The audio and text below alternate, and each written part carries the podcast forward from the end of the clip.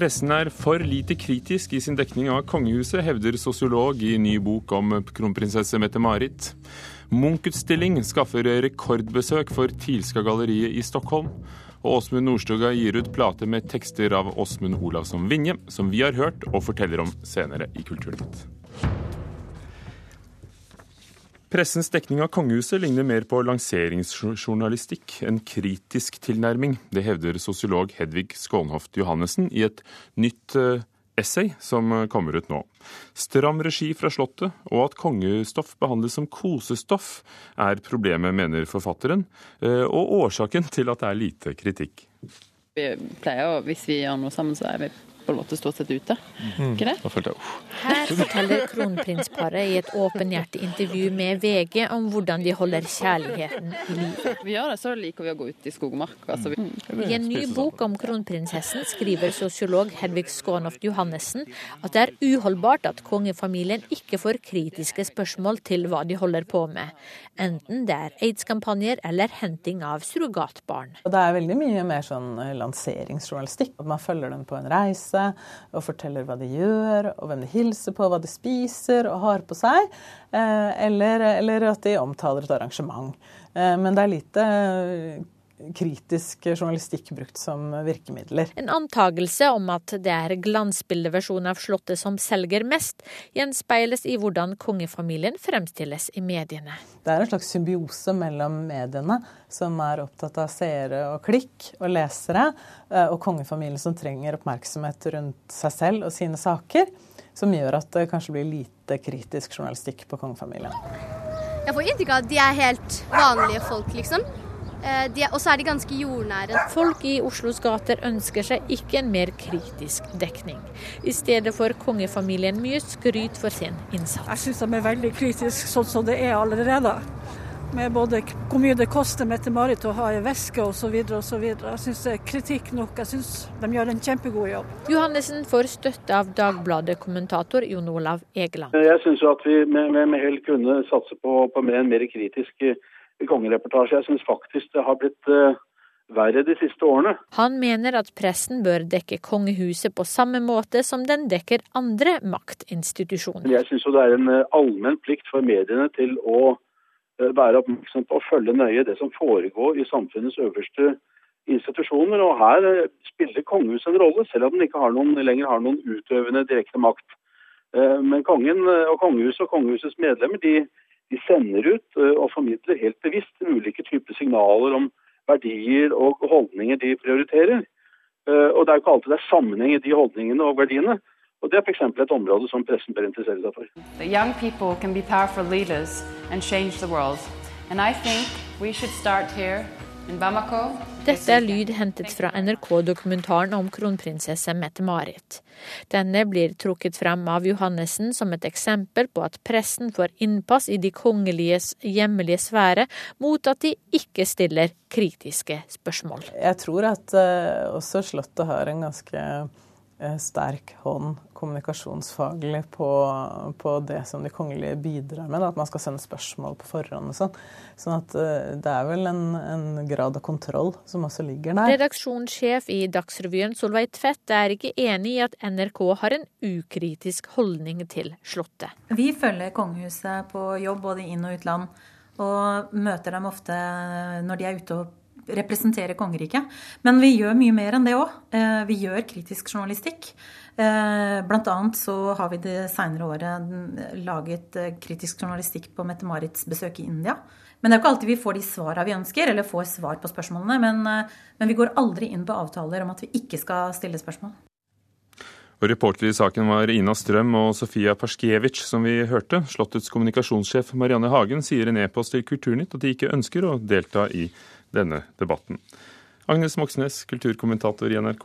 Er pressen for snill med kongehuset? Både for snille, men også kritiske. Jeg tror ikke det er tilfeldig at en av de som ble intervjuet her, sier at hun syns at, eh, at, at, kongehuset får altfor mye kritikk av, av, pressen. Det har jo vært eh, fokusert på pengebruk, kontrasten mellom disse dyre veskene og, og aids-syke fattige det melder også bruken av kongelige titler osv. osv. Og særlig, altså det vi husker fra ganske kort tid tilbake, er jo da Mette-Marit liksom sendte personlige signaler inn i en politisk betent sak, nemlig etter spørsmålet om eh, surrogati, da hun reiste til India for å passe på venners barn der, eh, så ble det en debatt som kanskje burde vært fulgt opp i enda større grad enn den ble. Men det er jo ikke noe tvil om, og de fleste vil jo tenke det, at det er først og fremst et glansbilde som eh, vises, og er det glamorøse bildet. Og, og, når da i tillegg kongehuset har en ganske stram regi på, på pressen, så blir eh, dekningen til tider ganske ukritisk, ja. Men pressen kan jo selv prøve å ta regi, så spørsmålet blir jo hvorfor er det sånn? Det er eh, som Hedvig eh, Skånhoft eh, Johansen sa her i dette essayet da, om en, klasse, en, nasjonal klassereise, altså om Mette-Marit, at det er et symbiotisk forhold mellom presse og kongehus. livnærer seg på mange måter på hverandre. Og, og selv om Dagbladet med Jon Olav Egeland i spissen er tydelig monarkikritiske inne i avisa, så vet jo de også at kongestoff, og gjerne positivt positivt kongestoff selger, så det plasserer de da gjerne, som svært mange andre aviser, på førstesida. Vi hørte jo noen si i reportasjene at de syntes tvert imot at det var for kritisk. Men hva vil du si, Agnes Moxnes, at eh, folk, nordmenn, forventer seg av en kronprinsesse?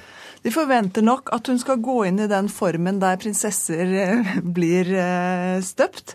Og det er et interessant samspill mellom folk og pressen og kongehuset, syns jeg. fordi at særlig i begynnelsen så fikk jo Mette-Marit veldig kraftig kritikk for måten hun sto på, at hun var lut i ryggen, måten hun klappet på osv. Så, så har vi jo lagt merke til opp igjennom de årene som er gått, at hun har liksom tilpasset seg rollen både som presseprinsesse og kongelig.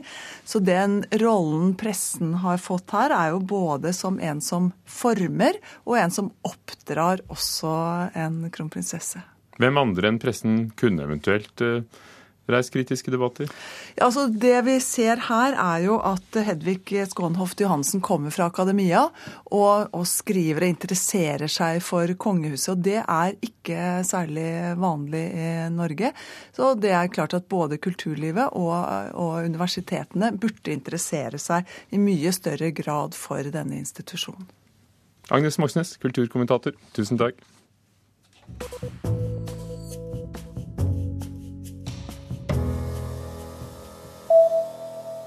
Lydbokforlaget legger ned hovedkontoret i Melhus i Trøndelag. Etter eh, å ha drevet i 25 år, slår forlaget sammen de to avdelingene sine og flytter hovedkontoret til Oslo. Bakgrunnen er sviktende lydboksalg de siste, i de siste årene, forteller daglig leder Paul Hedlund i Lydbokforlaget. Bakgrunnen for det er at uh, omsetning og resultater i de siste par-tre årene har uh, sviktet betydelig, og at forlaget er i en økonomisk situasjon hvor det er nødvendig å se på de innsparingsmulighetene som vi har for å kunne sikre en framtidig drift og utgivelse av lydbøker i Norge framover. Det er kort fortalt bakgrunnen. Paul Hedlund i Lydbokforlaget. Dagbladet kritiserer Forsvaret for å ha kartlagt to av avisens journalister. Etterretningsbataljonen i Forsvaret skal ha drevet registrering og kartlegging av flere norske journalister, skriver Dagbladet i dag.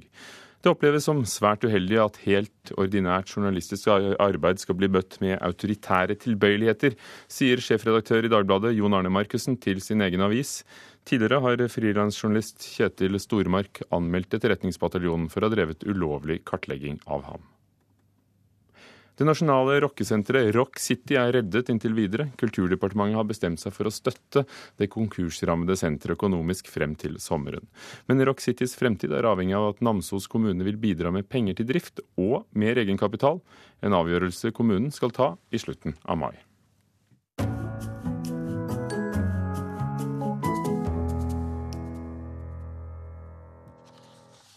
Ja, og Rock City er selvfølgelig ikke rammet av konkurs, men har vært truet av konkurs pga. store underskudd. To måneder etter lanseringen er det veldig få som bruker nettstedet minsak.no. Dette er et sted hvor folk lett kan fremme sin egen sak for politikere i kommune og fylke. Får saken din flere enn 2% av stemmene i en kommune, kommer saken opp i kommunestyret eller på fylkestinget. Som du hører så er det jo eh, ganske sterk trafikk. Rett utenfor husdøren til Haldor Hove i Solvik går fylkesvei 60. Han står utenfor og ser tungtrafikken dundre forbi bare noen meter unna. Haldor har jobbet i mange år for å få gangvei mellom Rake og Loen. Eh, vi trenger å ha det trygt og godt og sikkert, og her er fantastisk å bo. Da må vi ha det trygt eh, langs den eh, veien vi skal ferdes på. Haldor har fått med seg både grunneiere og Stryn kommune. Det som mangler, er fylket. Nå har han funnet en nettside som gjør at vanlige folk kan få sin egen sak opp til fylkespolitikerne. Minsak.no er Kommunaldepartementets nye storsatsing som ble lansert i slutten av januar. Sakene her blir stemt frem av de som bor i kommunen eller i fylket. Haldor trenger bare 500 stemmene fra de som holder til i Sogn og Fjordane, og da må saken hans opp i fylkestinget. Problemet er at ingen vet at nettsiden eksisterer. Vi har jo bare åtte til nå, da. Så eh, behovet er jo veldig mye større enn det de underskriftene skulle tilsie. Når det ikke er så synlig, eh, så er det vanskelig å kunne bruke det. For minsak.no er usynlig for de fleste. I hele Norge er det kun 75 saker som ligger på nettsiden til nå. I Sogn og Fjordane er det bare to. Lite er gjort av Kommunaldepartementet for å opplyse om nettsiden som skal gjøre det lettere for vanlige folk å delta i lokaldemokratiet. Har du hørt om eh, nettsiden minsak.no? Nei, det har jeg ikke. Nei. Nei, det har ikke jeg. Dessverre du, det har jeg ikke. Hvorfor tror du at du ikke har hørt om eh, nettsiden før? Nei, Jeg vet ikke. Jeg har ikke jeg er jo litt på nett og sånn, det står ikke så mye om det der. Så. Hun er vel så ny, kanskje. Kommunalminister Liv Signe Navarsete sier at de skal bli bedre til å vise frem deres nye tilbud, med hjelp fra kommunene. Det er nå eh, vår jobb i eh, Kommunaldepartementet å informere eh, bedre om at denne ordningen finnes. Og det syns jeg òg at kommunene kan hjelpe oss med. Og få fram informasjon om dette i den enkelte kommune. Men hun tror også det er en annen grunn til at nettsiden blir lite brukt. Så kan selvsagt et annet svar være at folk er veldig godt fornøyd med ståa som hun er. Vi vet at folk er fornøyde med kommunene sine tjenester. og Kanskje ikke er det så stort behov, men her er iallfall en mulighet. Haldo Hove sitter foran datamaskinen sin. Nå går vi på min sak. Han logger seg på sin egen Min sak-konto. Skjermen viser at Rake Loen-saken fremdeles trenger 492 stemmer. Allikevel syns han det er et bra tilbud, men håper at flere vil bruke han i fremtiden. Det er jo en veldig god måte å få ut et budskap på, da, tenker jeg. Alle som både eh, ser inn på min sak og hører dette her, kan eh, være med å støtte oss. Og reporter var Sindre Sunde Tveit om minsak.no. 18 minutter over åtte dører på Nyhetsmorgen i NRK. Åtte av ti norske bedrifter bryter miljøregelverket og slipper ut farlig avfall. Dette gjør de for å spare penger, mener Bellona. Den norskledede observatørstyrken i Hebron bruker millioner av kroner på rapporter som ikke ser ut til å gagne palestinere. Og vi her i Kulturnytt skal anmelde Åsmund Nordstogas nyeste plate litt senere. Først til Stockholm. På toppen av Jugendvillaen, som huser Tilska gallerien på Djurgården i den svenske hovedstaden, vaier en norsk vimpel. Det signaliserer at det er en utstilling om Munch og Nietzsche og samleren Ernest Thiel. Og da denne utstillingen åpnet dørene tidligere i vinter, trakk den for første gang på flere år fulle hus til museet. Og Andreas Brennstrøm, konstituert intendant for Tilska gallerien, hva har denne utstillingen gjort for dette tidligere litt søvnige museet? Ja, den har jo satt museet på kartan igjen, kan vi si. I alle fall for den svenske publiken så her langt. Ernest Thiel eh, var en, ja. ja. Jeg skulle, ah, ja, nei, jeg skulle til å fortelle, Vi har litt forsinkelse på denne linjen vår til Stockholm. Men ja. det er jo også sånn at Ernest okay. Thiel var en rik bankmann som bygde dette store palasset, gikk så å si konkurs. Svenske staten kjøpte kunstsamlingen og denne villaen, og den har stått der møblert med palmer og sofaer og det hele. Og så har du kommet inn. Det har vært mange problemer med sjefer som har fått sparken, Eh, Kulturdepartementet som ville stanse denne utstillingen. Og så har du på et halvt år klart å sette opp denne utstillingen med Munch og Nietzsche. Hvilken forbindelse var det mellom bankmannen og kunstsamleren Ernest Thiel og Edvard Munch? Ja, Forbindelsen er jo Nietzsche og det er derfor vi også kaller den eh, Munch, Nietzsche og Nordens største kunstner. Det var så at eh, Thiel selv var utrolig interessert av Nietzsches eh, filosofi og han kom i kontakt med Munch via Nietzsches syster som da holdt på å bygge opp et arkiv i Weimar i Tyskland. Og eh, hun satte honom på spåret så att säga. Og eh, sen tyckte väl Thiel då att Munch var den konstnär som bäst i bild eh, omfattade Nietzsches tankar helt enkelt. Och det var så kopplingen till Munch uppstod. Då. Sen, så var, sen hade Thiel en stor betydelse för Munch eh, och Munchs karriär framförallt i Tyskland därför att det var Ernest Thiel som kopplade ihop Munk väldigt tydligt med Friedrich Nietzsche och det fick en stor betydelse för, för Munk då, lokalt när han befann sig i Berlin bland annat. Hvis nye utstillinger skal nettopp vise oss nye sider av kunstnere og kunsten de har laget, hva er det du ville vise ved å sette sammen disse bildene? Altså, uh, Tilska galleri har selv 96 grafiske trykk av Edvard Munch som er stilt ut, uh, og 13 malerier. Og så har dere lånt inn et titalls malerier fra både Munch-museet og privat samling i Norge. Mm. Altså, Tyska galleriet är ju, är ju, en institution som har fungerat sedan 1924 med, och har bytt intendenter till och från med ungefär 10-20 års eh, perioder. Och eh, den senaste intendentparet har ju gemensamt då eh, suttit i galleriet i ungefär 30 år och det har väl de sista tio åren kanske stannat av lite grann och när vi eh, kom in i bilden, jag och ett, några kollegor i den nya styrelsen, så var vi rätt så övertygade om att vi måste försöka aktivera eh, museet. Och då föll det sig väldigt naturligt då, eftersom vi har den här stora fina munksamlingen och eh, att försöka göra det i, i, i, i takt med då, eh, det här 150-årsjubileet som eh, går av stapeln nu eh, i Norge. Då. Och då fick vi en förfrågan från eh, Nationalgalleriet och Munkmuseet i Norge om att man ville låna några målningar av oss och då sa vi ja till det och då blev man väldigt glad för det. Och sen så sa vi också då att då vill vi gärna låna av er och då så började så att säga det här samarbetet mellan de här institutionerna. Då. Men många har ju... Det har, varit, det har fallit väl... Mm.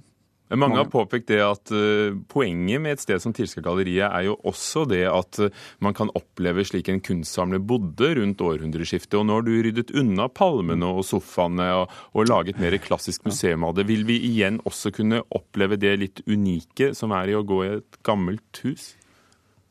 Ja, uh, altså det, ja, det er jo så at om, om publiken aldri har en sjanse å møte nya, nya utställningar, nya rum, nya överraskningar, eh, nya möten med konsten så, så blir det som så att man, man återbesöker inte museet i, i den omfattning som eh, den här institutionen behöver för att få in tillräckligt med biljettintäkter och så. Och då måste man göra saker och det här, eftersom vi har så mycket mycket av Edvard Munch i samlingen så för att kunna visa upp hela den samlingen så, så tyckte jag att det var en bra idé att plocka undan det som har hängt de senaste 30 åren och möblerna som har stått på samma sätt sedan 1907 eh, ungefär. Eh, och genom att flytta på de här och göra en nyhängning och det har fallit väldigt väl ut. Och sen så till hösten så om man åter ser museet då kommer man, då kommer man återigen få uppleva eventuellt de här palmerna, kanske en nyhängning av samlingen,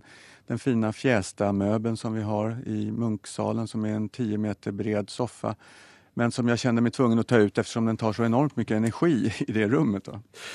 12. mai er siste dato for utstillingen Munch, Nietzsche og Thiel på Tilska ja. galleriet, og du regner med 45 000 besøkende eh, i løpet av den perioden, minst. Det er det samme antallet som så Det moderne øyet, den store Munch-utstillingen i Oslo.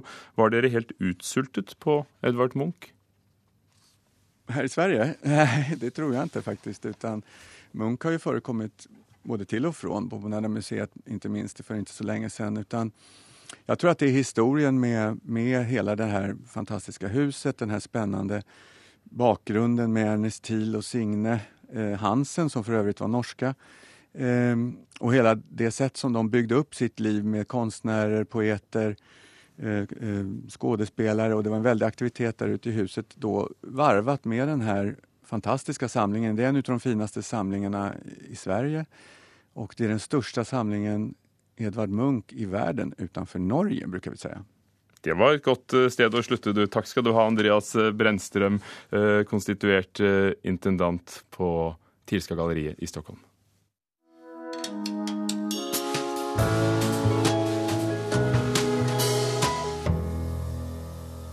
Åsmund Nordstogas nye plate heter Guten. Inspirasjonen har, er tekstene til telemarkingen og nynorskhøvdingen Åsmund Olavsson Vinje. Nytt og gammelt, pakket inn på en særegen måte, sier Kjetil Bjørgan etter å ha hørt den.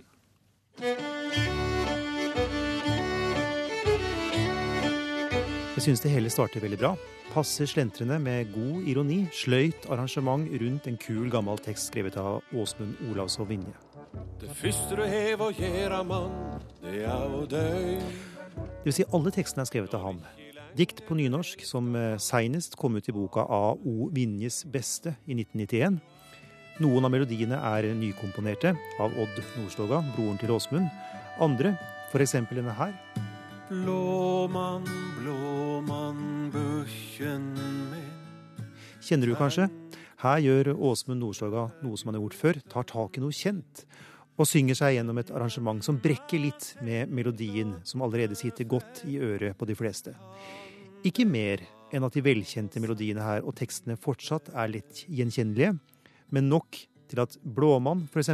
får en vitamininnsprøytning som får den til å folde seg ut på ny. Det er fint. Ja, livet strøymer på meg som det strøymde når under snø eg såg det grønne strå. Eg drøymer no som før eg alltid drøymde. Eller hva med Ved Rondane? Dette får nasjonalfølelsen til nordmenn, og særlig bergensere, til å stige til uvante høyder. Jo da, melodien er signert Edvard Grieg, den. Men teksten kommer fra Vinje i Telemark. Skrevet av Vinje og framført av sambygningen Nordstoga. Det er fint dette også. Ikke så kreativt musikalsk, men det får fram spennet i Åsmund Nordstogas stemme. Og for en stemme! Jeg har aldri hørt han synge så bra som på denne plata. Og variasjonen i repertoaret, den virkelig utsøkte lydproduksjonen og de spesielt gode musikerne får fram potensialet i sangene, i tekstene, og ikke minst i de vokale prestasjonene. Fest riktig då du rett kan sjå ikring deg Det er god tyngde i musikken. Det svinger, det bruser, og det låter godt av visene, omkranset av folkemusikk. En feletone er stødig og innholdsrik, en autoharpe gir et morsomt liv i arrangementene. Gitarriffene sitter, og pianolyden har fine anslag. Men i lengden blir det litt sukkersøtt. Det blir litt lite sting i arrangementene. Jeg kunne tenke meg mer motstand og enda større vilje til å overraske. Men for å gjøre det helt klart, Guten er en gjennomarbeida og velklingende plate. Ennå en gang fikk jeg vetren å sjå, för våren och röd